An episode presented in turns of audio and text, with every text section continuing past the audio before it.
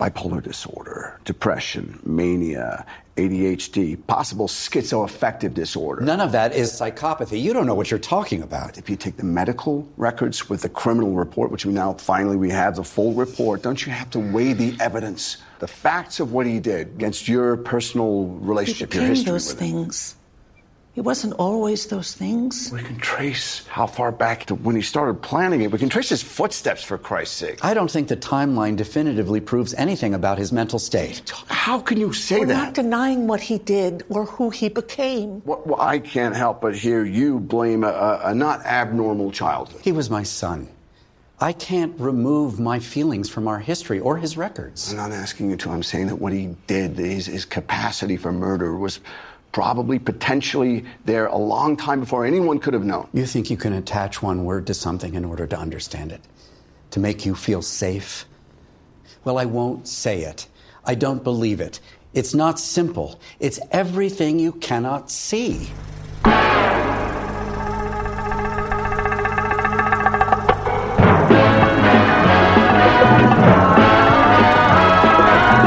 When it comes to entertainment, you can't beat a good film.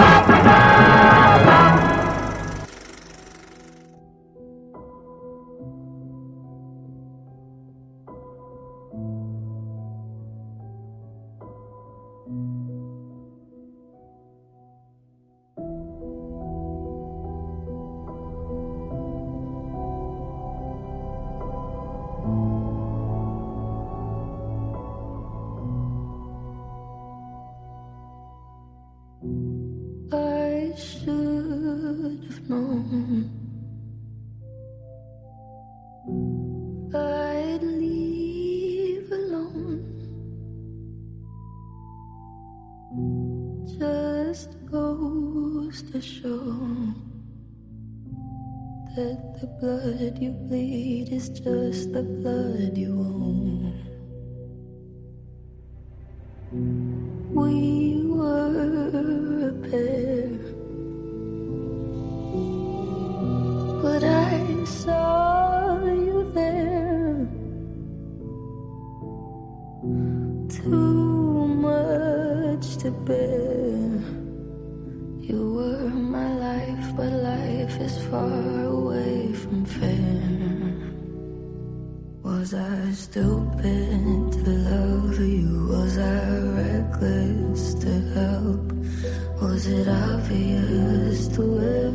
somebody else.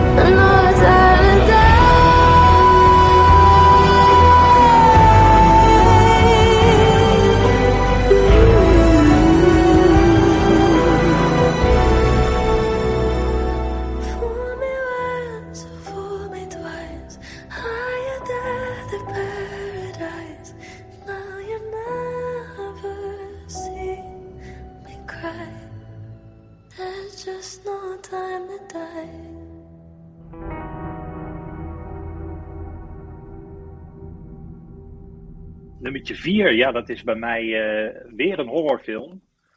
Ik kijk ook wel andere genres hoor, maar horror kijk ik natuurlijk best wel, eh, best wel vaak. Eh, en ja, nummertje 4 is bij mij ja, Candyman.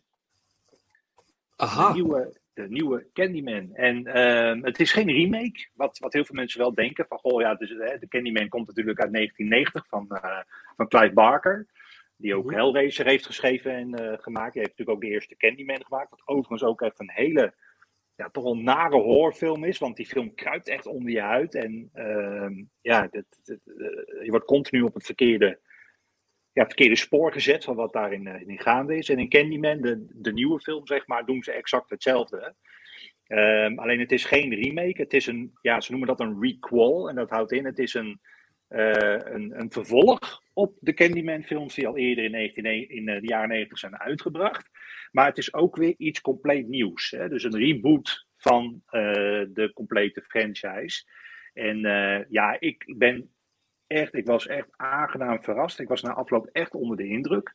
Eh, en dat heb ik niet snel met dit soort, eh, eh, ja, eh, het, het opnieuw uitvinden van een wiel wat eigenlijk al op een enorme sterke wijze is uitgevonden.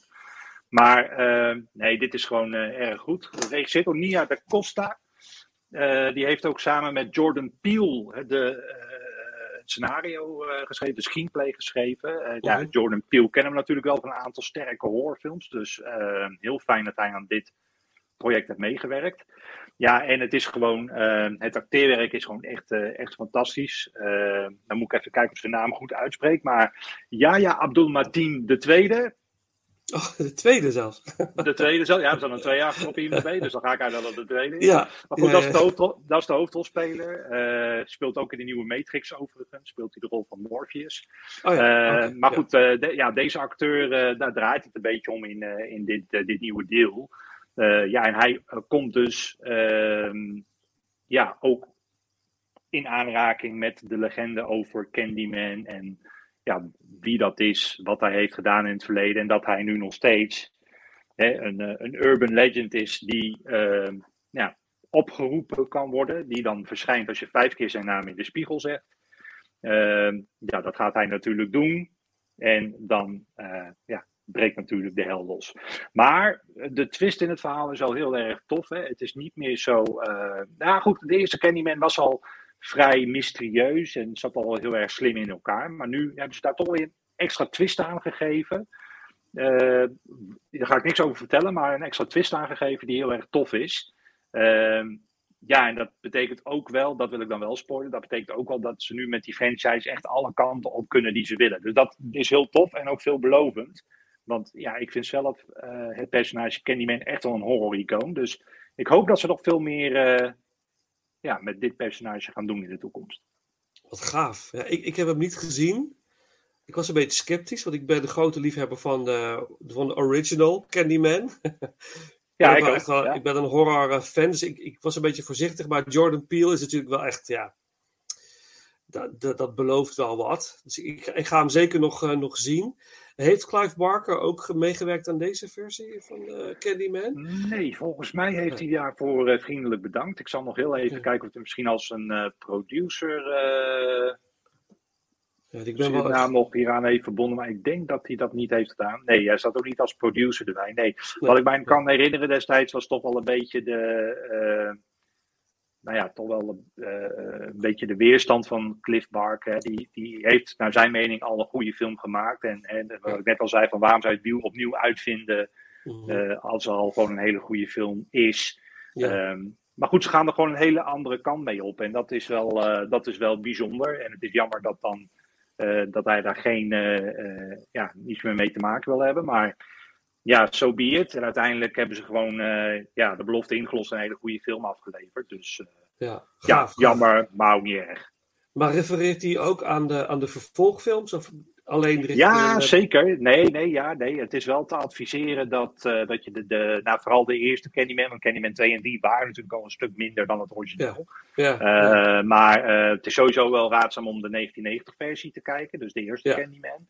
Maar dat doen ze in deze film wel heel goed, want ze. ehm, ja, in, in Candyman gaat natuurlijk de legende over Candyman, die komt tot leven. En dat wordt dan onderzocht destijds door een studente Helen. Eh, Ja. Helen Lyle, die dan inderdaad die urban legend gaat onderzoeken. En daardoor eigenlijk zelf in aanraking komt met de legende Candyman. Mhm. En in dit deel, dat hebben ze dus heel erg goed gedaan. In dit deel is het hele verhaal rondom Helen Lyle. Is de legende over dat zij de Candyman in de jaren 90 heeft opgeroepen. ja, En ja. eh, Cab- Cabini, Breach, eh, eh, Cabini Green is inmiddels een. eh, de achterstandswijk is inmiddels gesloopt. Er staan nu allemaal luxe en mooie appartementen. Het is een buurt die opgeknapt is. Maar die urban legend is daar nog steeds. Hè. Het draait nog steeds om toch wel wat zich daar in het verleden heeft afgespeeld. En ja, dat, dus, dus met bepaalde flashbacks, ja, niet echt flashback scènes, maar een beetje op, ja, ze hebben dat op een speelse manier met eh, een soort van, eh, soort van eh, slideshow hebben ze dan een soort recap van wat er in die eerste Candyman gebeurt. En dan gaat het verhaal verder, zeg maar. Dus eh, dat hebben ze op zich wel heel slim gedaan. Dus je zou hem standalone kunnen kijken, maar voor de complete zou ik ook gewoon eerst de 1990-versie eh, kijken. Wauw, ik ben- wel heel nieuwsgierig nu. Ik, het is, ja, ik moet hem snel gaan kijken. Even Ja, nog, ik, eh, ik, was ja. echt onder, ik was echt onder de indruk. En vandaar dat hij ook zo'n hoge notering heeft. Want ja, Ja. Hè, ik zeg altijd, een film is nooit perfect. En eh, nou ja, heel veel mensen zeggen dan, ja, waarom scoort hij dan zo hoog? Want dit was slecht en dat was slecht. Maar als bij mij een film gewoon heel, heel vermakelijk is en ik, als ik echt achteraf denk van, ja, wauw, dit is tof. Ja, dan, dan krijgt hij bij mij gewoon een hoge score. Dus vandaar ook die hoge notering voor, eh, voor Candyman. Ja, super. Ja, maar dat, dat is ook het hele leuke aan het, aan het ranken natuurlijk. Hè? Het moet persoonlijk zijn. Het moet niet wat de wereld vindt zijn, maar wat je, wat je zelf, eh, waar Ja, je zelf precies. warm van wordt. En dan krijg je juist ook hele leuke suggesties. Dus ja, super tof. Ja, ik ga hem eh, zo snel mogelijk eh, zien.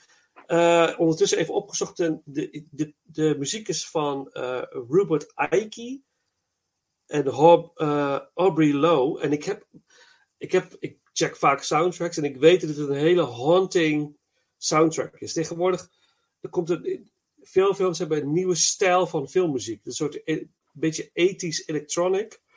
Ja. Gecombineerd met iets nieuws of zo. En dat geeft een hele, hele spookachtige sfeer. En Candyman, de Candyman soundtrack heeft dat, eh, vind ik heel sterk. Eh, dus dan doen we de track eh, Music Box. En dan naar mijn nummer drie.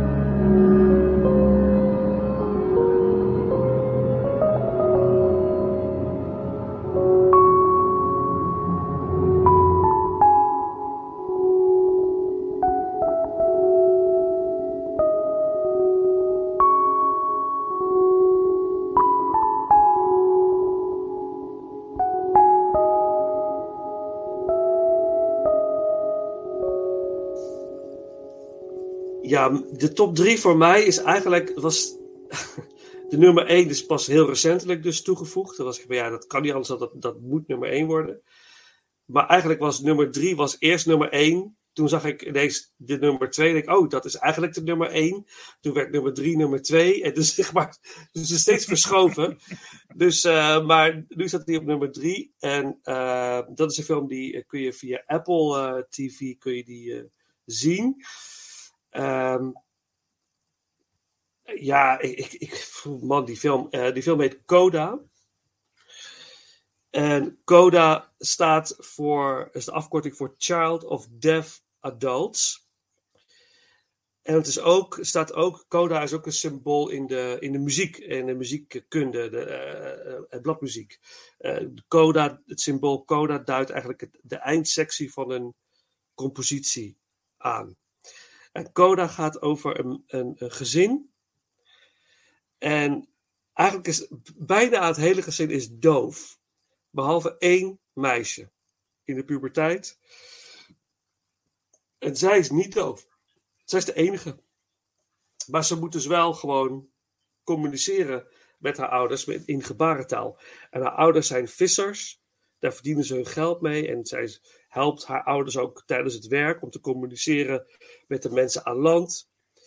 Uh, maar het is een meisje op weg naar volwassenheid. En zij heeft ook dromen en wensen. En zij wil zangeres worden. Dus zij kan ontzettend mooi zingen. Maar haar ouders kunnen dat niet horen. Ze kunnen haar stem niet horen. Dus zij willen eigenlijk dat, dat zij eigenlijk het, uh, het familiebedrijf overneemt en daar, dat draaiende gaat houden. Maar zij heeft ambities om zangeres te worden. En uh, ze wordt ontdekt door de muziekdocent op haar school. En die gaat haar stimuleren om iets te doen met haar stem. En zich te gaan inschrijven voor de muziekschool. En daar een carrière in te gaan krijgen. Want hij ziet echt talent in haar. Fantastische, mooie rol ook, uh, die gast die de muziek speelt. Maar haar ouders kunnen dat niet begrijpen, want ze zijn doof. Ze snappen niet wat zij ervaart. En uh, daar gaat die film over, over een meisje dat probeert los te breken van de familie, maar eigenlijk niet kan, omdat ze een verantwoordelijke positie heeft. Voor haar gevoel. Maar het is een kind. En haar ouders leunen op haar. En dat is heel, een heel ingewikkeld proces. En, uh, maar die film werkt dat zo bijzonder mooi uit. Met zoveel humor. Je moet ook zo lachen. Want je kan je voorstellen, Paul, als die ouders, die, die ouders hebben, die houden superveel van elkaar. Ze zijn ook super tot elkaar aangetrokken. Dus die hebben ook op een gegeven moment gewoon seks in huis. Maar als je doof bent, kan je dus, ga je dus super hard. je dat is super uh, grappig. dat heb, heb, ik ook zo om gelachen. Dan heb je die in de gaten. Dus dat al die. En, en dan krijgt ze een soort van een vriendje, die komt dan thuis. En dan schaamt ze zich echt voor haar ouders. Dat zijn natuurlijk heel expressieve, expressieve mensen.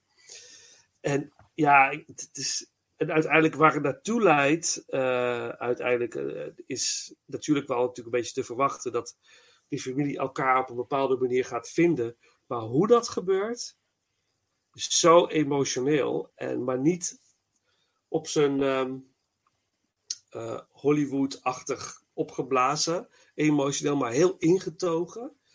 Waardoor het recht, recht je hart in gaat. Het is, ik vond het zo'n verschrikkelijk mooie film. Ik heb echt uh, tranen gehad uh, bij deze film. Het is, het is een, een, soort remake van een Franse film, La Famille Bayet. Maar die heb ik niet gezien, dus ik ken alleen deze versie. Maar dat, dat is gewoon goed genoeg. Het is, het is uh, prachtig. Uh, Emilia Jones speelt een jonge dame de, die haar, haar die zangambitie heeft. Um, en Marley Matlin, dat is de dove dame die ook in de jaren tachtig in Children of a Lesser God speelde, met William Hurt. Ook zo'n bijzondere, bijzondere film. Zij speelt de moeder.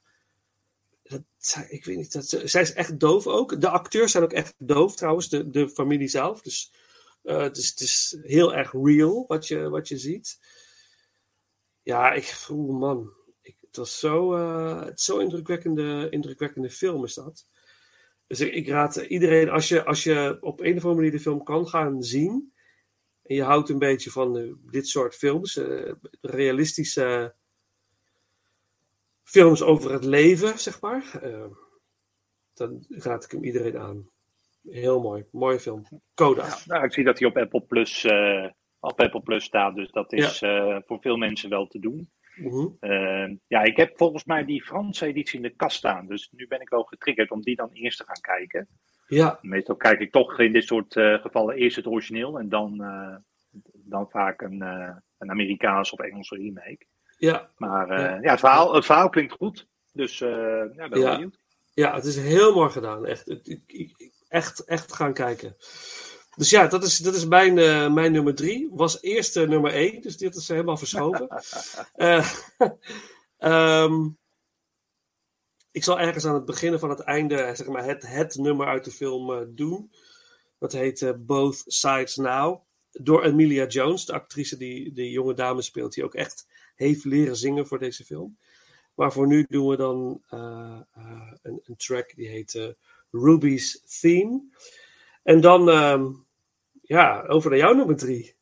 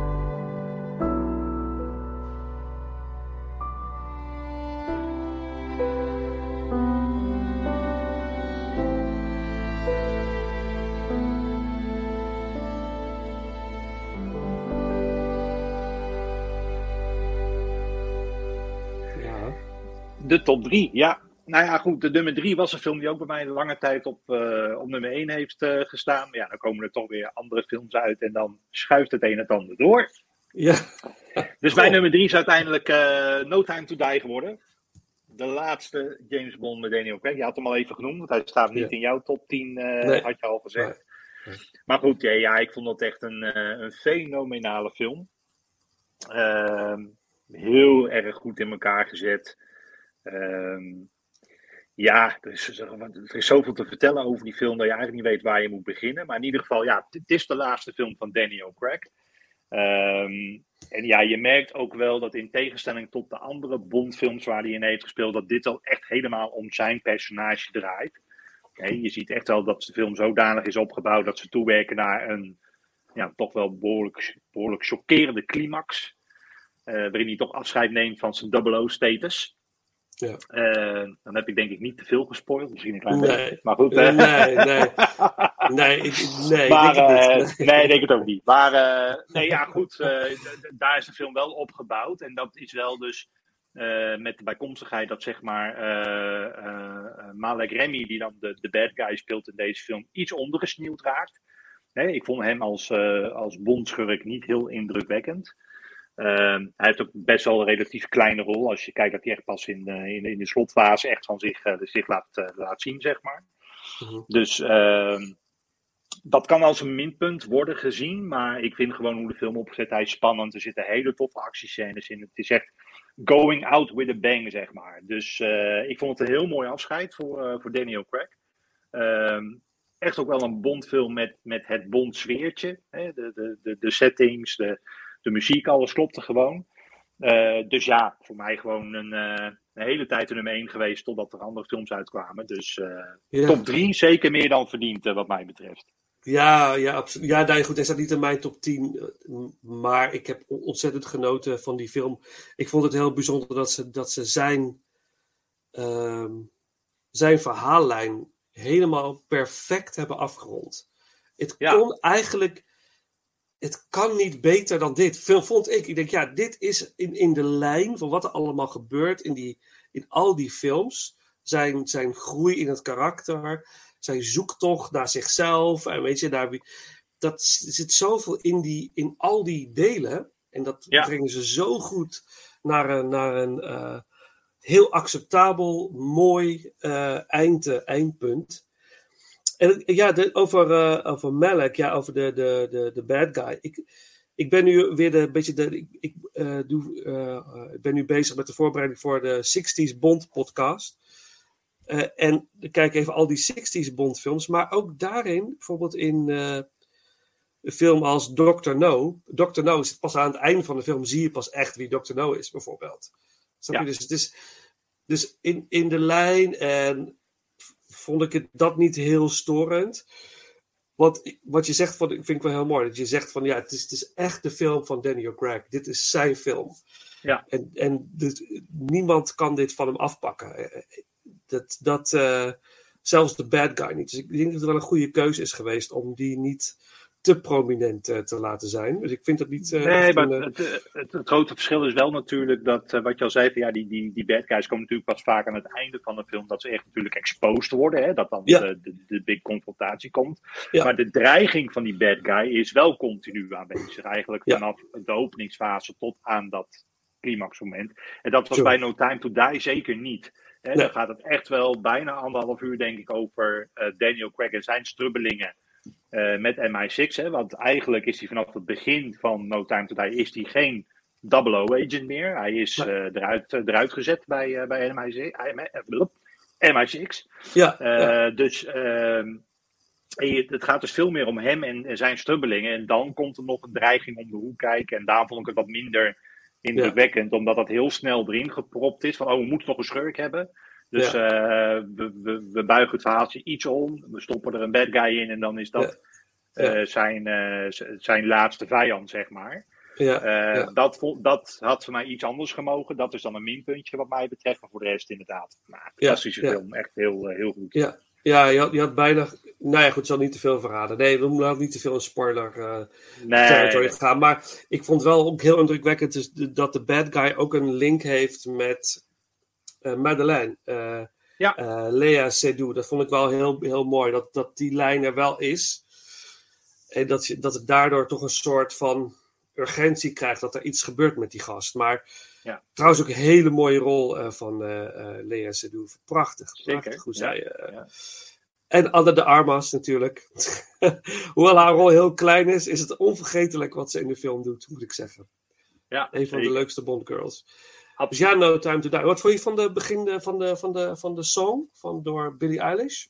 Ja, ik vind eh, de, de laatste jaren de Bond-songs echt fantastisch. Eigenlijk vanaf, eh nou, wat zou het zijn?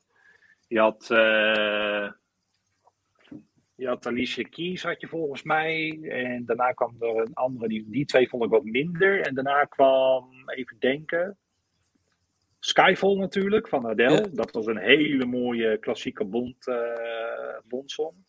Eh, dan had je daarna voor Spectre Ja, had je eh, Ridings on the Wall van ja eh, Sam Smith, prachtig. Sam prachtig. Smith. Echt een fantastisch mooi nummer. Ja. Ja, en dit is ook weer echt zo'n heel mooi, eh, Ja. ja, mooi eh, Bondnummer. Dus nee, ja, vond ik heel mooi. Heb ze heel Wat- goed gedaan. Toen ik hem los hoorde van Bond voor het eerst, dacht ik van ja, ik, ik weet het niet. Ik, ik, ik, ik weet niet wat ik hiervan moet vinden.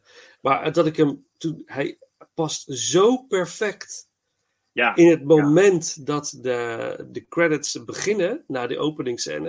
Het is zo goed dan daarna. Dat het je bijna emo- emotioneel wordt je er bijna van. Als je Maar had zit te kijken. Dat had ik ook wel met die, met die songs van Adele en van eh, Sam Smith hoor. Dat je pas op het moment dat je die intro eh, van de. Bondfilm hebt gezien en dat je de koppeling met Bond kan maken, dan, zijn het, dan krijgen die nummers in één keer meer, meer betekenis. Dat is Ja. wel, eh, wel Ja. zo. Ja. Ja. Gaaf man.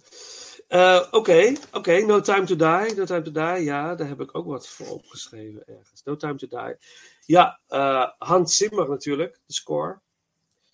Eh, prachtige soundtrack trouwens, met heel veel referenties naar On Her Majesty's Secret Service. Qua, qua thema's, muzikale thema's. En de aftitelingssong is Louis Armstrong, We Have All the Time in the World. Wat natuurlijk uit On Her Majesty's Secret Service komt. Dus dat is heel veel links naar die film. eh, op allerlei gebieden. Maar goed, dat is weer een heel ander. eh, voor een hele andere podcast. eh, dat we daarover moeten gaan hebben. Maar dus het nummer Home door Hans Zimmer. En dan de nummer twee.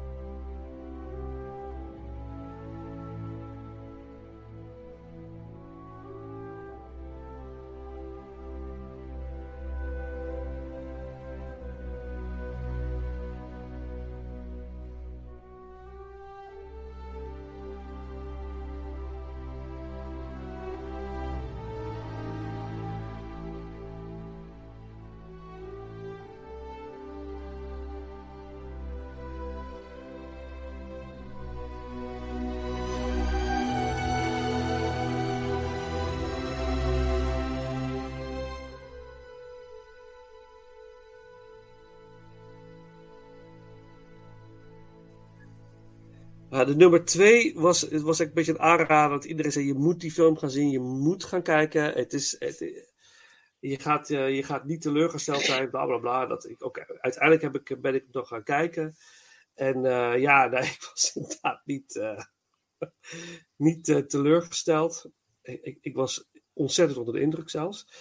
Dat is de film Last Night in Soho van Edgar Wright, regisseur van Baby Driver, wat trouwens ook een fantastische film is. Edgar Wright, eh, eh, film met eh, Anya Taylor-Joy. Eh, het is, is ook zo'n film waar je een hele podcast aan kan wijden. Eh, het, is het, is een, he- het is een nieuwe kijk op het fenomeen tijdreizen. Zo kan je het een beetje zien. Heb je hem gezien? Nee, hij staat nog op mijn, eh, op mijn lijstje. Eh, Maar die poster is uitnodigend genoeg. Hè? Dat is echt zo'n neonkleurig eh en neonletters, titel in de neonletters erop. Fel Ja. rood, fel blauw, fel groen. Dat, Ja. dat triggert mij al eigenlijk om een film te gaan kijken. ongeacht wie erin speelt of hoe het verhaal gaat. Ja. Maar nee, de trailer die ik toen heb gezien zag er heel goed uit. Dus deze staat er wel op mijn lijstje. Ja, je moet hem echt gaan kijken. Ik zal niet te veel verraden. Het is, in- basically gaat het over een jong meisje wat heel beschermd, beschermd is opgegroeid in een dorpje in Engeland.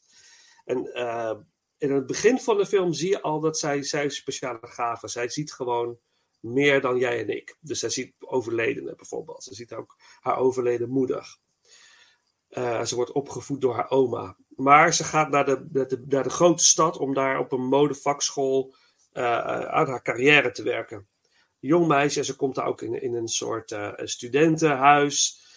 Eh, maar ja, daar, kan ze het helemaal niet in vinden, want ze is best wel een soort van eh, bescheiden muisje, zeg maar. Eh, dus ze kan niet, echt eh, meekomen met de, met de meiden die daar drinken en feesten. En dan gaat ze op zoek naar een andere slaapplaats. En dan komt ze in een oud eh, eh, herenhuis wat wordt eh, beheerd door een hele oude dame. En dan krijgt ze de, slaapkamer boven op zolder.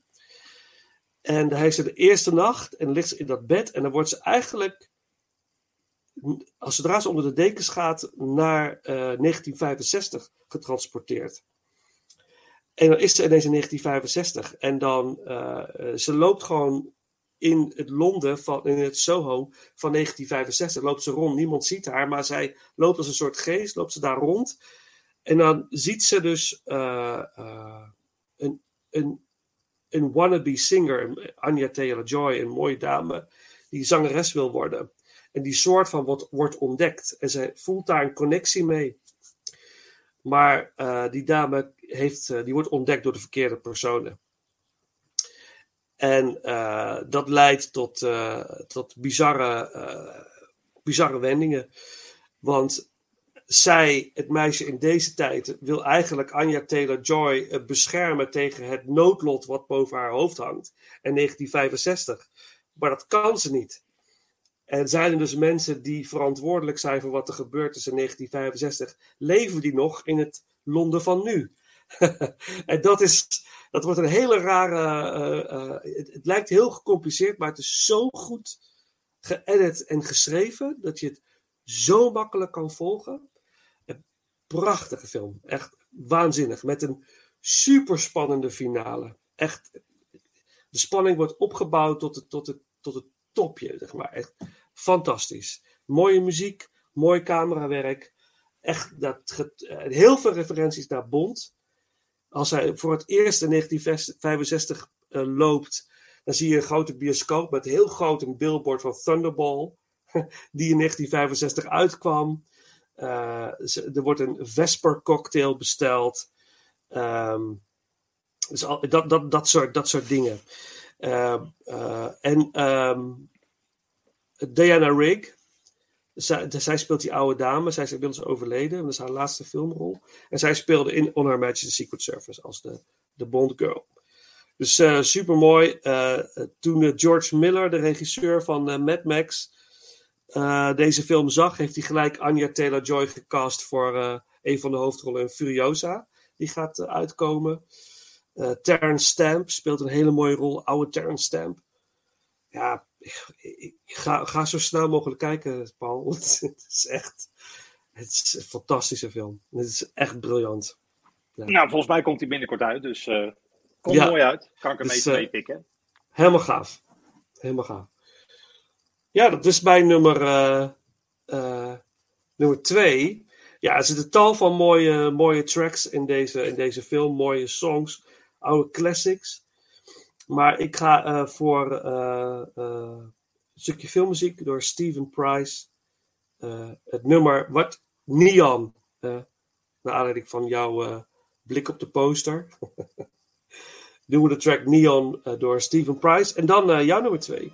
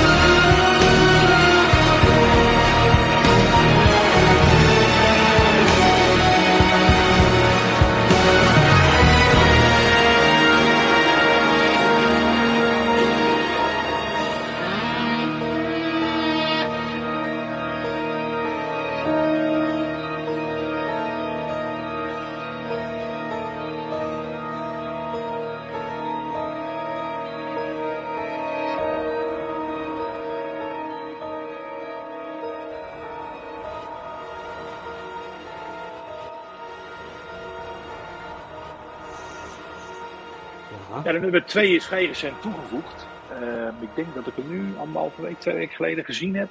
Eh, ja, en dat ik was er stiekem al een beetje van uitgegaan dat hij hoog zou eindigen. Maar dat hij zo leuk zou zijn, dat had ik niet eh, durven hopen. Maar mijn nummer 2 is eh, Ghostbusters Afterlife. Ah, fijn dat hij bij jou in de top 10 staat. Ja, hij, eh, hij, hij kon er niet. eh, niet eh, hij, hij, hij, hij moest erin. Nee, ja, ik ben natuurlijk al een groot fan van Ghostbusters. Dus ja, dit, hier keek ik heel erg naar uit. Alleen het is altijd het probleem dat je nou ja, met, met dit soort. Ja, toch wel instituten, zeg maar. Dat je nooit meer het gevoel kan evenaren als wat je natuurlijk met de eerste had in 1984. Maar eerlijk is eerlijk, ze komen dicht in de buurt. Het is, eh, ze hebben het toch wel erg leuk, eh, leuk opgepakt. Waar het eigenlijk over gaat is dat, nou ja, ehm, als we de Ghostbusters Afterlife meepakken, dan mag je de laatste Ghostbusters met de dames vergeten. Hè, die film bestaat niet in de tijdlijn eh, waar, het, waar het zich in afspeelt. Ehm, en het is eigenlijk een vervolg op ja, de gebeurtenissen in New York. Hè, dat natuurlijk Gozer naar ja, ontwaakt en eh, ja, New York op stelt eh, zet. Eh nou, het is eigenlijk een direct vervolg. En het is, wat er gebeurt, is dat eigenlijk. ehm, ja, er is een gezin, dat wordt het huis uitgezet. Het is een alleenstaande moeder met een, met een tienerzoon en een wat iets kleiner meisje. En die moeten dan verhuizen naar het platteland, omdat ze daar het boerderijtje van hun opa en haar vader hebben geërfd. Ehm, en ja, ik ga dat toch een beetje spoilen, want dat vind ik wel leuk. Het blijkt de boerderij te zijn van Egon Spengler. De Ghostbusters uit 1984. Dus je kunt je wel voorstellen, het is één grote elektronica feest daar op die boerderij. En dat kleine meisje is nogal in de wetenschap, dus die begint te knutselen met van alles. Die heeft ook binnen de mum van tijd heeft ze een uh, protonpack weer werkend gekregen. Uh, ze vindt een val met een spook erin. En uh, de Ecto One wordt in de schuur ontdekt. En ja, op dat moment begint eigenlijk het hele feest. Hè. Die kinderen gaan samen met, met dan een. ja, dat is dan de rol van Paul Ward. Die speelt dan de leraar van dat meisje. En ja, die, die raakt ook een beetje betrokken bij hun moeder. Dus ze gaan een beetje daten. En er wordt eigenlijk een beetje meegesleurd in het avontuur. En wat gebeurt er? Gozer is weer terug. Uh, en die blijkt dus daar in die omgeving, dat is een, een, een, allemaal gebergd en dergelijke, blijkt daar weer een portal te zijn waar uh, Gozer kan terugkeren. Ja, en dan moeten natuurlijk die kinderen moeten uh, samen met, met, met hun moeder en dus die leraar, moeten ze Gozer weer zien te stoppen. En ik ga het verklappen, ze doen dat natuurlijk niet alleen uiteindelijk. Dus dat is wel een hele leuke, leuke fanpleaser. En dat moet ik dan ook wel zeggen. Ghostbusters Afterlife vind ik ook wel echt een fanpleaser. Hè. Er zitten heel veel referenties naar die oude films in. Ze proberen echt zo met die oude muziek en dergelijke... proberen ze dat sfeertje uit 1984 weer te recreëren. Ja, ze slaan daar, uh, slagen daar toch wel erg goed in. Maar het mooiste vind ik toch eigenlijk wel hoe ze met, uh, met CGI... en met hele mooie make-up effecten... toch Harold Ramis hebben teruggekregen... Zo. Die man is natuurlijk overleden. Maar dit, deze film is echt een eerbetoon aan hem. Hij is natuurlijk de geestelijke vader van de Ghostbusters. Hij heeft uh, natuurlijk in die twee films gespeeld. Dus uh, dat maakte die film voor mij wel extra bijzonder. Want het is echt een heel mooi eerbetoon aan hem. En ook een hele waardige manier om afscheid van hem te nemen, toch alsnog. Dus ja, om die reden mijn nummer twee. Ja, fantastisch. Ja, dat, dat, hè, dat, dat afscheid van, de, van, van deze man, ja, dat is op een hele bijzondere manier uh, uh, weergegeven. Ja. Is dat, uh, ja, ja wat, wat, ik heel mooi vind aan die film is, is de humor. Hè, natuurlijk, in de eerste twee films is het vooral Bill Murray die zorgt heel erg voor de, voor, in ieder geval voor mij, voor de schaterlach, zeg maar. Ik vind die gast echt fantastisch. Maar in deze film is het ook, de moeder eigenlijk een beetje die ik heel grappig vind. En ja. Paul Rudd natuurlijk ook, uiteraard heeft een groot komisch talent. Uh, ja. dat, uh, dat heeft die film ook weer heel mooi uitgebalanceerd. En ik denk dat het voor een nieuwe generatie heel erg aanspreekt. Nou, maar dat, dat heb ik ook in mijn korte review op Letterboxd uh, gezet. Het is eigenlijk een fanpleaser voor de fans die al met Ghostbusters natuurlijk kennen. Ja. Maar het is ook een, een hele mooie kans voor een nieuwe generatie om weer met Ghostbusters kennis te maken. Ja. Hè, dus, dus ja, ik vind dit wel heel goed gedaan. Ja, ja. Maar, uh, maar wat je zegt, daar zit heel veel humor in. Ik vond zelf vond ik, uh, de, de mini Marshmallow Man vond ik echt super grappig. ja, die waren hilarisch. Ja, ja echt, hilarisch. Ja, hè? Die, echt grappig, ja. ze, ze, vallen in blenders, ze blazen zichzelf op. En dan ook dat geluid erbij van het exploderende marshmallow geluid. Ja, dat, ja, dat is super geestig. Dus... Uh, en ik vond zelf ook, want dat, dat meisje heeft ook een, een, een schoolvriendje. Ik kan heel even kijken hoe die ook alweer heet. Uh, in de film heet hij Podcast, want hij maakt een podcast. Oh ja. Ja, ja, ja, ja, ja, dat is wel heel erg leuk. Uh, hij noemt zichzelf Podcast, hij maakt een podcast en daarom uh, volgt hij eigenlijk dat meisje volgt hij op de voet. Want ja, die Phoebe, want die beleeft natuurlijk allemaal gekke, gekke dingen met, met die apparatuur die ze vindt. Ja. En rolletje van, van Logan Kim. En ik vond het echt een heel. Hij, hij deed het echt heel leuk. Echt, echt goed gedaan door, door die kleine man. Ja. En ja, dat kan wel echt ook. Hij heeft ook echt talent voor, voor, voor, voor humor. Dus ja, ja wel, uh, dat vond ik echt wel een hele leuke, leuke toevoeging. Absoluut, ja, he ja, helemaal, helemaal. Wat gaaf. Ja, ja, gaaf. Ja, Ghostbusters Afterlife, ja, ja, ik vond hem ook geweldig. Niet in mijn top 10, maar ik ben blij dat hij bij jou wel uh, erin is uh, gekomen. Muziek door uh, Rob Simonsen. We zullen ergens tussendoor nog wel een keer de Ghostbusters song erin knallen. Maar dit, deze track heet Showdown. Er komen wel heel veel uh, muzikale thema's bij elkaar. Dus uh, uh, die track. En dan de nummer 1. de nummer 1.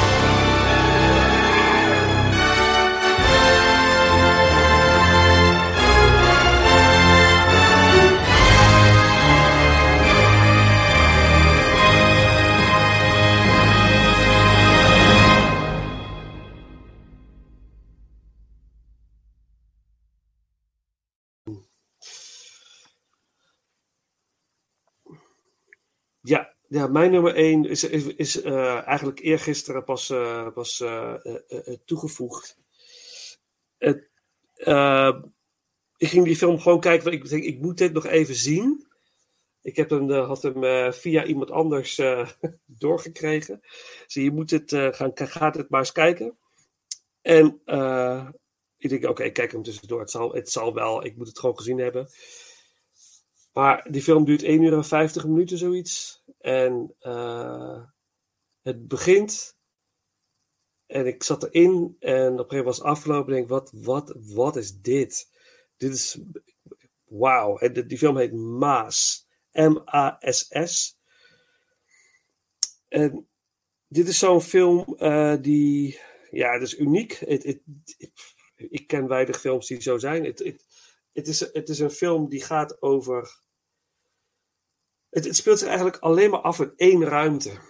De eerste tien minuten van de film is het alleen maar eh, is een beetje intro. En, en in die eerste tien minuten voel je al, er gaat hier iets gebeuren.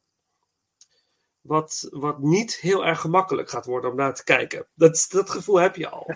dit wordt niet eenvoudig. Dit, wordt, dit, is niet, dit, is niet, dit is niet best. En dus is in een klein kerkje wordt een ruimte klaargemaakt. Een tafel met vier stoelen. En er wordt opgebouwd naar de komst van twee stellen. En die gaan elkaar ontmoeten daar voor het eerst. En die hebben iets te bespreken met elkaar. Die hebben, die hebben dat allebei verzocht. Van we, we, we, moeten elkaar ontmoeten. Er moet iets verwerkt worden. Er moet iets geprocessed worden.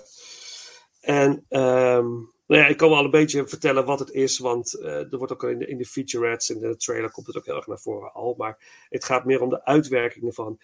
Eigenlijk van na die tien minuten is het gewoon vier personen in een kamer aan een tafel.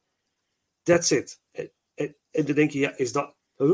Weet je, eh, maar de film is zo verschrikkelijk spannend om naar te kijken. En raakt zo hard, gaat zo je, je hart in, zeg maar. Het is eigenlijk één stel is een kind verloren, is vermoord. En het andere stel wat tegenover hen zit, is de moeder van de zoon die hun kind heeft vermoord. En, en die ouders van het vermoorde kind, die willen gewoon iets van. Die zoeken bij die ouders van het kind iets van uitleg. Weet je, waarom is het gebeurd? Hadden jullie iets kunnen doen?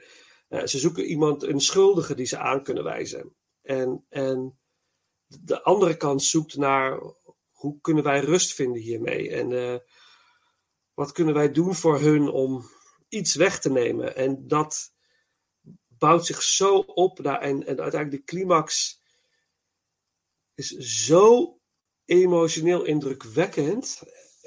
Ja, ik, ik kan niet anders dan hem op nummer 1 zetten. Ik kan niet anders. Ik kan hem niet boven een andere film plaatsen. Dit is, dit is boven niveau acteerwerk. Boven niveau uh, filmmaken vind ik ook. Het is, het is notabene een debuut van, uh, van een, een, hele jonge regisseur. Die voornamelijk heeft geacteerd in theater. Um, Fran Kranz heet die jonge man. Heeft wat seriewerk gedaan, theaterwerk uh, gedaan. En die maakt dit. Ja, dat, ja, ik heb er geen woorden voor. En um, Jason Isaacs speelt uh, een van de hoofdrollen. En dat, dat ja, ik, ik, ik, wist dat het een goede acteur was hoor. Maar soms als acteurs echt de ruimte krijgen om echt ergens in te duiken, dan, dan zie je wat voor, wat voor powerhouse het eigenlijk zijn. En ook uh, de, de andere acteurs ook. Is, ik, ik, heb er geen woorden voor. Je, je moet het echt, echt gaan zien. En uh, ja, that, that's it. Ja, ik heb er niet veel meer over te zeggen. Ik kan er niet veel meer over vertellen. Het, alleen maar dat zodra je de kans krijgt om hem ergens te zien, doe het. Doe het, doe het. Want um,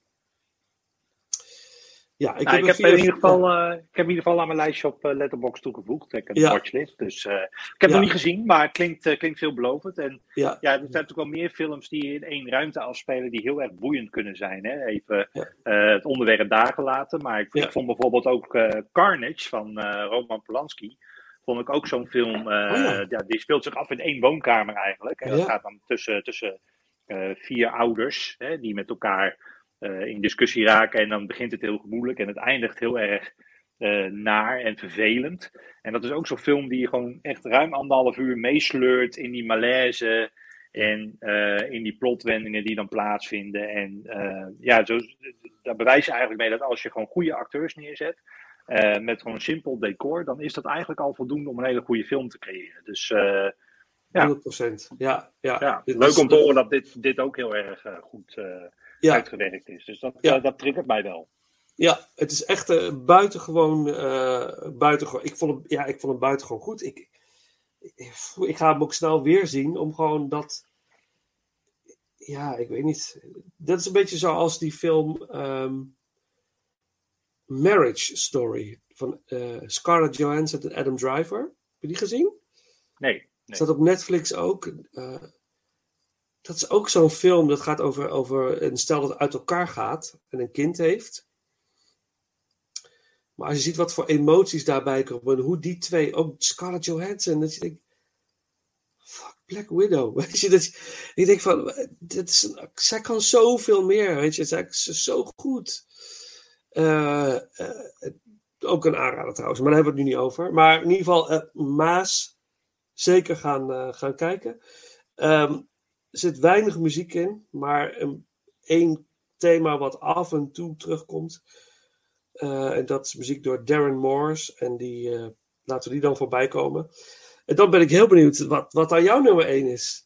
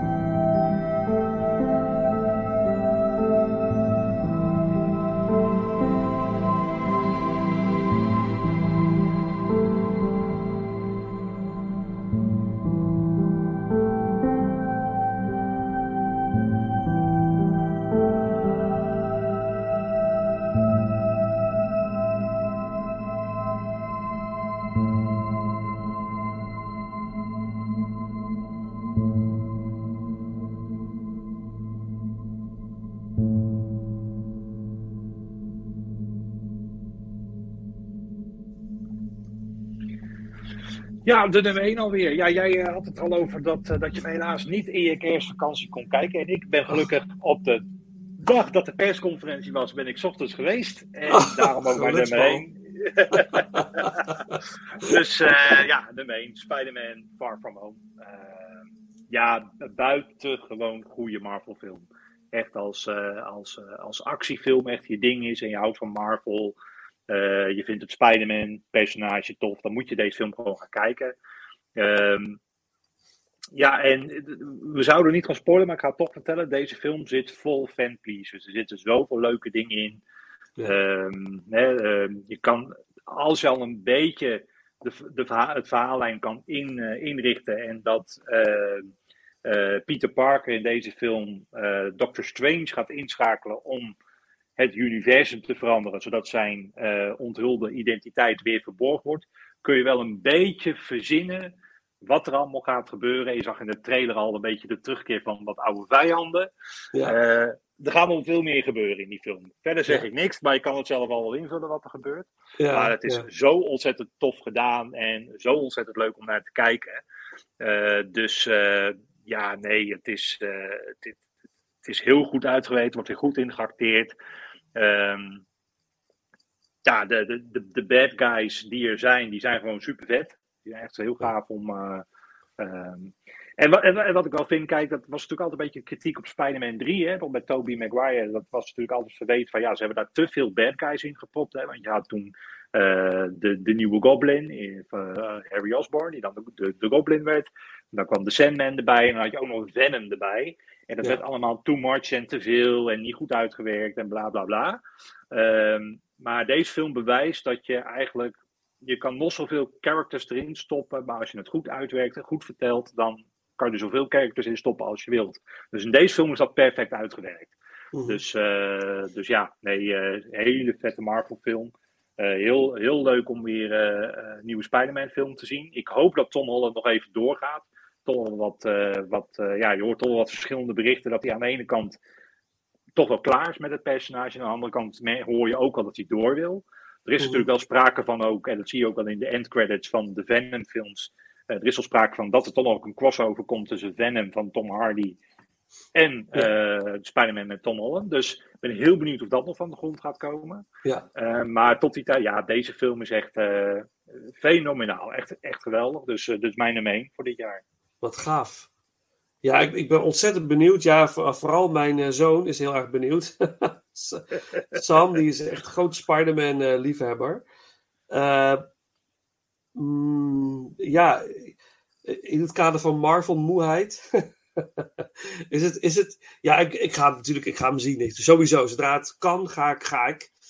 Eh, maar is het.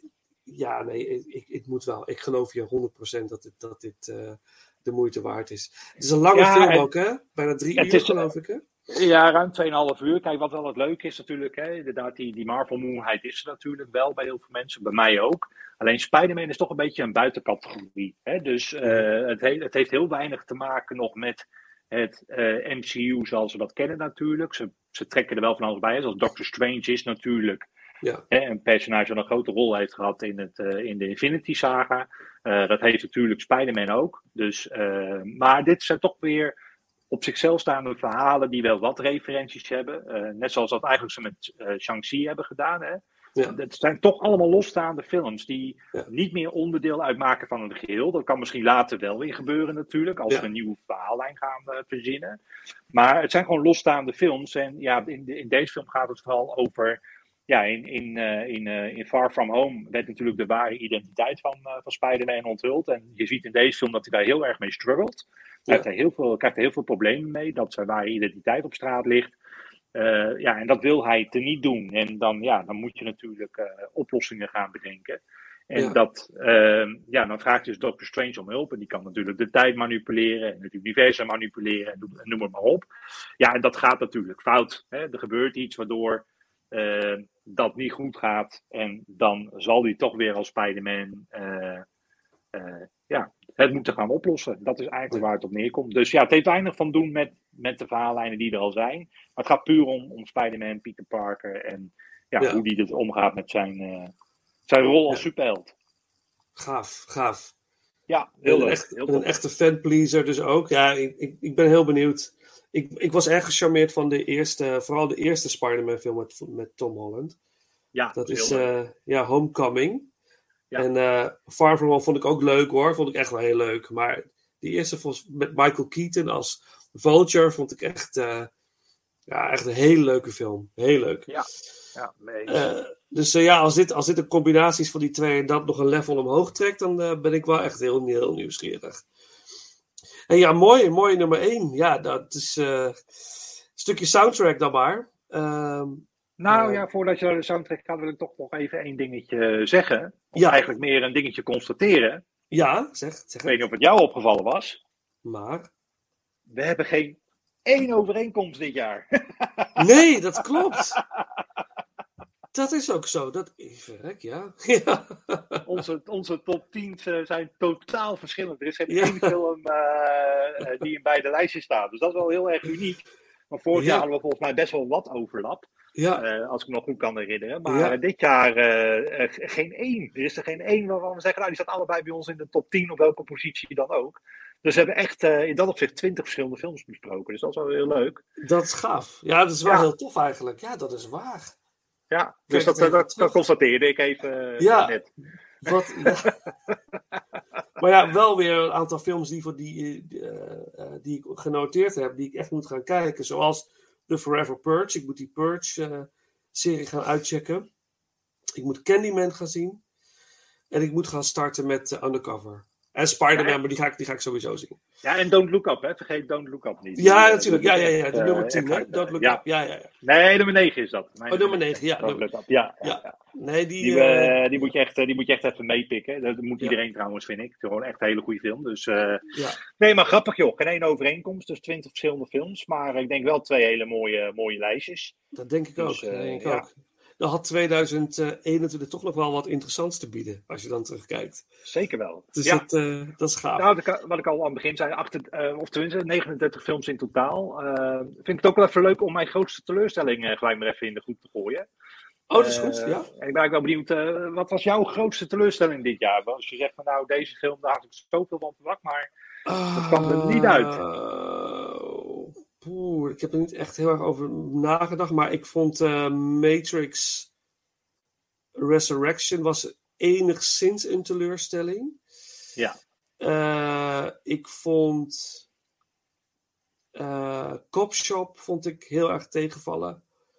Met ehm, eh, hoe heet die man nou? De, ik kom niet op zijn naam. Maar Cop Shop vond ik, eh, vond ik tegenvallen. Eh, de- mijn grootste, allergrootste teleurstelling was Red Notice. Red Notice, waar zoveel ophef over was. Nou ja, de film van Netflix. Mega spektakel, bla bla bla. Man, ze hadden gewoon een CGI-stier. Die gewoon overduidelijk CGI was. En daar gingen ze dan mee vechten. En dan met die. En een CGI Colosseum-achtige, weet je, zo'n eh, arena, Spaanse arena. Het was zo. En, en, dan, en dan die Wonder Woman-actrice die. Zo, het was eigenlijk, weet je, ik regisseer soms niet oneerbiedig bedoeld, maar soms doe ik regieklussen met amateur theaterclubs. En die ga je dan regisseren, die ga je daar een hoger niveau proberen te tillen. En vaak lukt dat ook echt heel mooi. Er zitten echt verborgen talenten in. Super gaaf. Maar je hebt ook, als je mensen die vastgeroest zitten in, in, in acteerpatronen, en dan zeg je van, speel maar een deftig persoon. En dan gaan ze heel erg over de top, gaan ze deftig doen. Dus ik had de hele tijd, als ik naar die Wonder Woman actrice keek, ik weet haar naam, ik kom niet op haar naam. Gal Gadot. Gal Gadot, ja. Als ik daar zat te kijken, dacht ik, je zit gewoon naar een amateur toneelvereniging actrice te kijken die gewoon, het was gewoon zo stom. Ik vond het zo'n stomme film. Ik vond het verschrikkelijk. Ik, ik kan echt. En The Rock die daar maar geprobeerd de hele tijd iets van charisma in die film te douwen. Iets van. En dat, oh man, man, man. Dat was, ja, dat was, dat was wel mijn grootste teleurstelling. Ja, ja. En, en bij jou? Ja, ik had, ik had er ook wel een paar. Ehm, ik had heel veel verwacht uiteindelijk van, eh, eh, van de nieuwe Space Jam. Ik ken de eerste natuurlijk nog uit 1995 met eh, Michael Jordan als, eh, soort Ja. gastrolletje als eh, basketballer die dan de Looney Tunes moet eh, helpen om hun vrijheid terug te winnen. Nou, in Space Jam eh, New Legacy gaan ze dat opnieuw doen, maar deze keer met, eh god, hoe heet die basketballer ook alweer? Kijk, zo goed ben ik voorbereid. Maakt nee. niet uit. LeBron James volgens mij. ik het goed Oh. LeBron, oh, dat zou best kunnen, ja. LeBron James. Ja, LeBron James. Goed zo, helemaal top. Nee, die, eh, eh, die, ja, die wordt nu dan ingeschakeld om de Looney Tunes eh, te helpen. Eh, ja, eh, het heeft totaal de jeu en de charme niet van, eh, van de oude Space Jam. En het is allemaal wel leuk en aardig, maar het is heel erg kiddie. En eh, ik denk dat, dat is natuurlijk ook wel goed, hè? Ik bedoel, het is een kinderfilm, dus prima. Maar eh, ik, ja, ik ben daar nu wel te oud voor. Ik kon er niet van genieten en eh, het was voor mij echt een kwestie van een vinkje zetten. Eh, dus dat vond ik heel jammer. Eh had ik al iets meer van verwacht. Ik had al een beetje gehoopt dat dat stiekem dat oude gevoel van vroeger weer een beetje naar boven kwam, maar dat kwam gewoon niet. Nee. Dus die. en de echte grootste teleurstelling, waar ik heel veel van verwacht had, is omdat ik een, een, een fan ben van de franchise, van, van Paranormal Activity. En er kwam Ja. weer een nieuwe film, Next of Kin. Ik denk, nou, top, toch nog, nog een nieuw deel. En laat ze het een keer over een andere boeg gooien. Maar ze hebben het zo over een andere boeg gegooid dat het gewoon geen Paranormal Activity meer is. Dus ehm, ja, zware teleurstelling. Niet eng, niet spannend. Ehm, alles wat er gebeurt hier van mijlenver aankomen. Verhaal is enorm farfetched.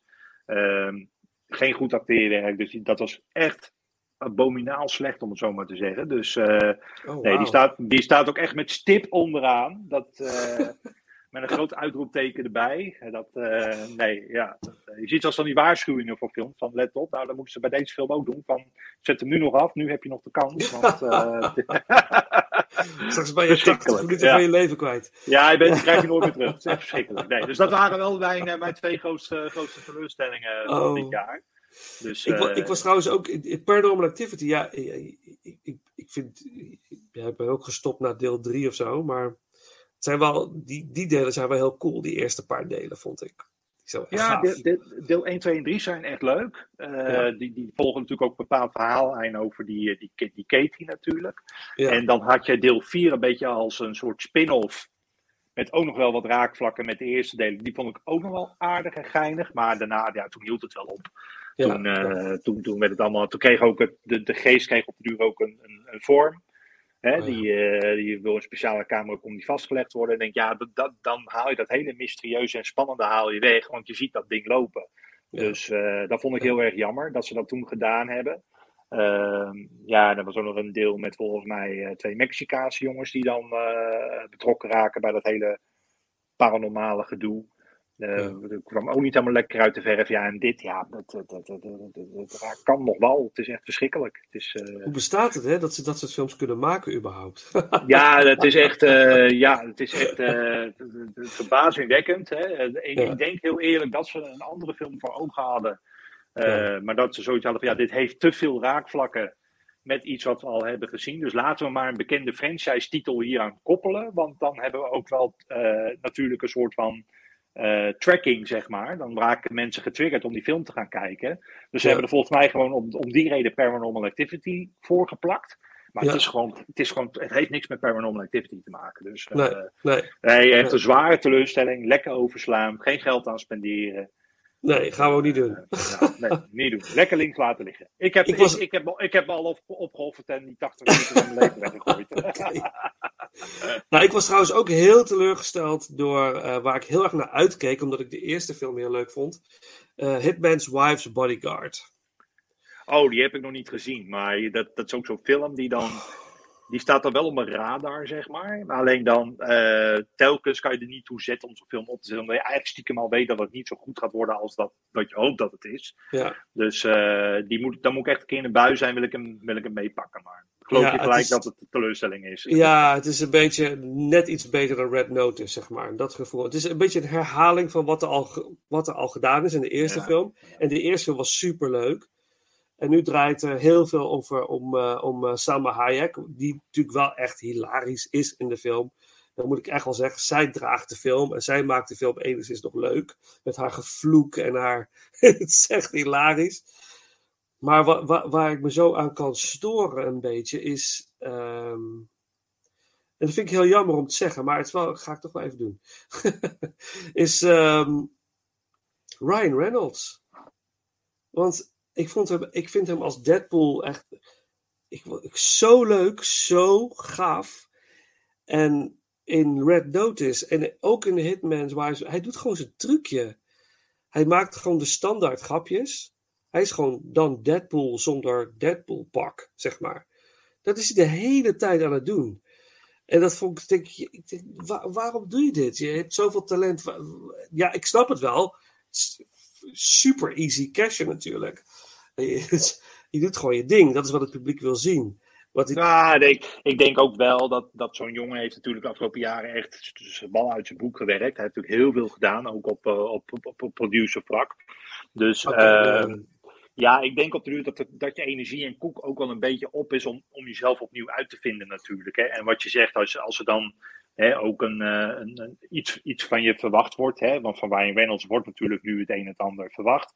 Die moet inderdaad hè, die vlotte jongen zijn die zijn, uh, die zijn uh, reply snel klaar heeft, heeft liggen. Als dat dan ook je instructie is en dat raakt je vrij gemakkelijk af. Ja, dan snap ik, dan snap ik wel dat je het doet.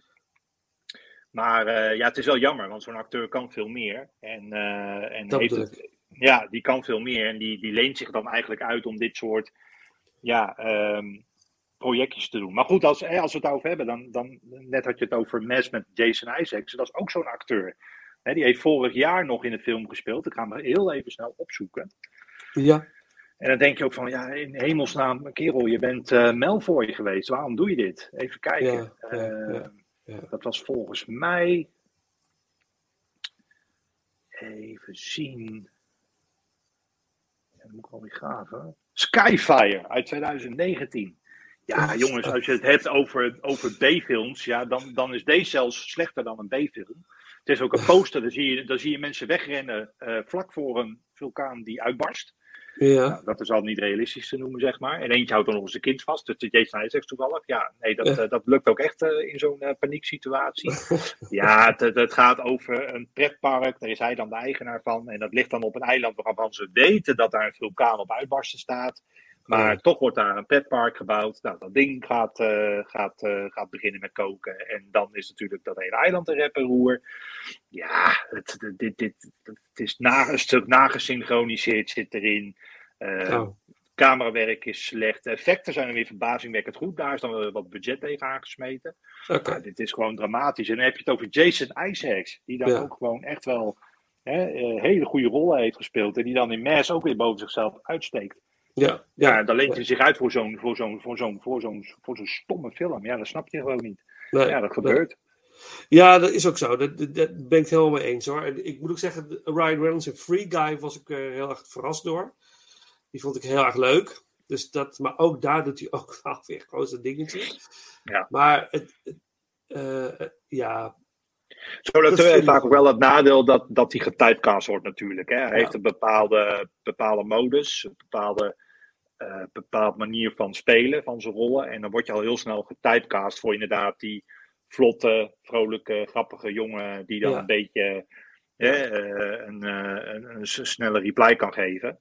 En dat is wel jammer, want zo'n acteur kan meer, maar ja, die wordt dan telkens voor dit soort rollen gevraagd. Dat, dat, dat is zonde. Ja, ja, ja. Nou, ik ben benieuwd wat, uh, wat er nog gaat komen met hem. Misschien verrast hij nog in de komende jaren. En, en de, de grootste mislukking trouwens, en dat is de laatste film die ik dan ga noemen, is, is uh, de film Snake Eyes, G.I. Joe Origins. Zo, dat was mij even een bakje slecht, zeg. Die heb ik in de bioscoop gezien zelfs. Dacht, waar gaan we heen? Dat is vast, misschien is het wel een leuke start van een nieuwe leuke franchise. G.I. Joe, daar speelde ik vroeger mee. Dus ik ben met Sam gegaan, met z'n tweeën vonden het allebei verschrikkelijk. Zeg, wat zitten we, wat, wat, ik, nou. Snake Eyes, G.I. Joe Origins, verschrikkelijk. Nee, nou, die, uh, die staat niet op mijn. Ja, hij staat wel op mijn. Tenminste, ik weet dat hij er is. Maar ja. ik had al niet zoveel met de eerste G.I. Joe films. Dus uh, ik heb vroeger ook niet met G.I. Joe gespeeld. Ik denk, ja, moet ik dit kijken, ja of nee? Ik nee. vind op zich dat, dat personage Snake Eyes vind ik wel heel tof. Het is wel ja. een van de to tofste G.I. Joe personages. Maar ja. Nee, ja, daar moet ik echt tijd over hebben. Wat ik nooit heb. Dus uh, het, zal, het zal er ook niet van gaan komen, ben ik bang. Misschien ooit, someday. Ja, Als ik Hey. jaar thuis zit. Ja, ja, ja. Dan komt iemand. Hey, ik heb nog een leuke film, Snake Eyes. Oh, weet je het zeker? Klassieketje. Ik- Classic. ja, ja, ja zo'n B-film classic uit 2021. Even voordat we gaan afsluiten, doen we nog even die stukje soundtrack tussendoor. En dan eh, gaan we nog even naar de. Doen we even afronden. En dat is eh, Ghost Fighter in the Sky. Van Spider-Man No Way Home. Michael Giacchino, soundtrack eh, componist. Geweldige, mooie opvolger van James Horner, John Williams. Is echt, hij maakt hele mooie scores. Dus die en dan, ja, naar het einde.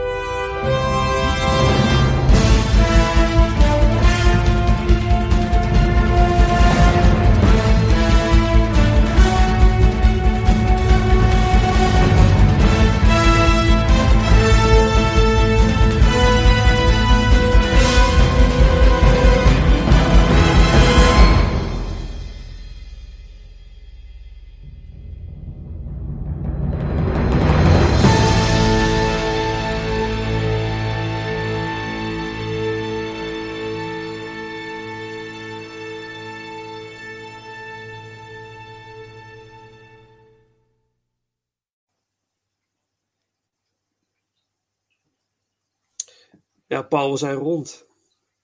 Hij staat er weer op voor, eh, voor 2021. Ja, het was leuk. Oh, Leuk. maar ze- het was zeker leuk. Het was zeker Ja. leuk.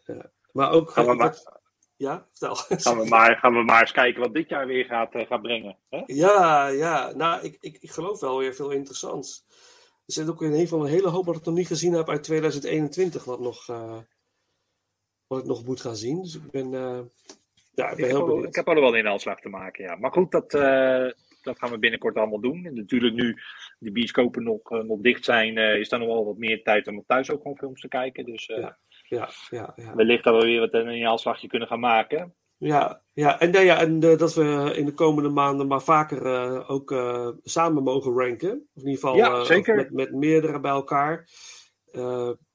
Dus ja, ik, ik kijk er erg naar uit. Dus dankjewel voor, voor deze ronde in ieder geval.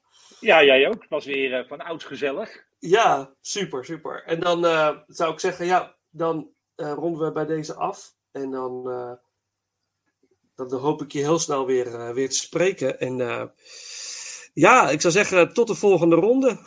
Tot de volgende ronde. Tot de volgende keer. Yes. Ja, ik zet hem stop. stop. En dat brengt ons alweer aan het einde van deze aflevering van Inglorious Rankers. Deel met ons jouw 2021 ranking via de bekende social media kanalen. Volgende week weer een nieuwe ranking en dan gaan we aan de slag met de Mission Impossible films. En dat doe ik samen met Paul Hazelhoff. Natuurlijk zijn we ook benieuwd naar jouw Mission Impossible ranking. Voor de intro hoorden jullie een fragment uit de film Maas. En deze film is in zijn geheel te zien op YouTube, zag ik. Geheel gratis, dus doen zou ik zeggen. Uh, na de intro No Time to Die door Billie Eilish uit de gelijknamige film natuurlijk. En de aflevering sluiten we af met een track uit de film Last Night in Soho, You're My Life, My Everything door Celia Black. Beste mensen, voor nu bedankt voor het luisteren en tot de volgende ronde.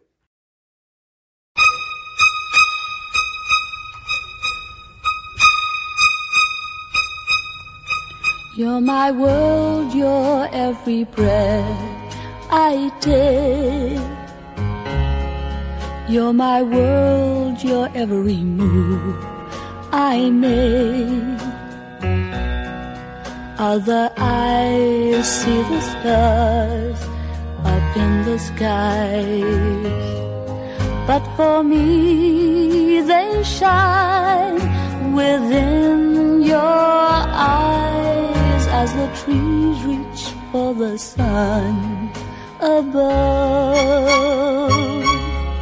So my arms reach out to you for love.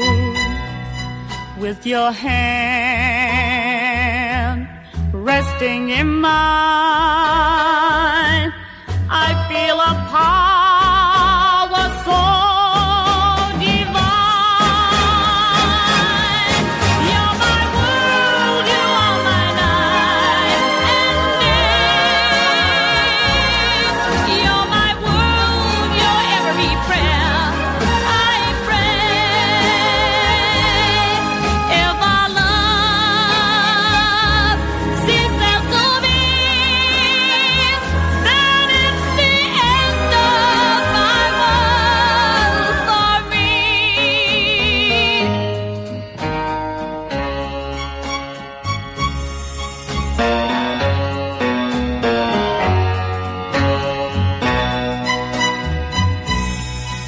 with your hand resting in mine.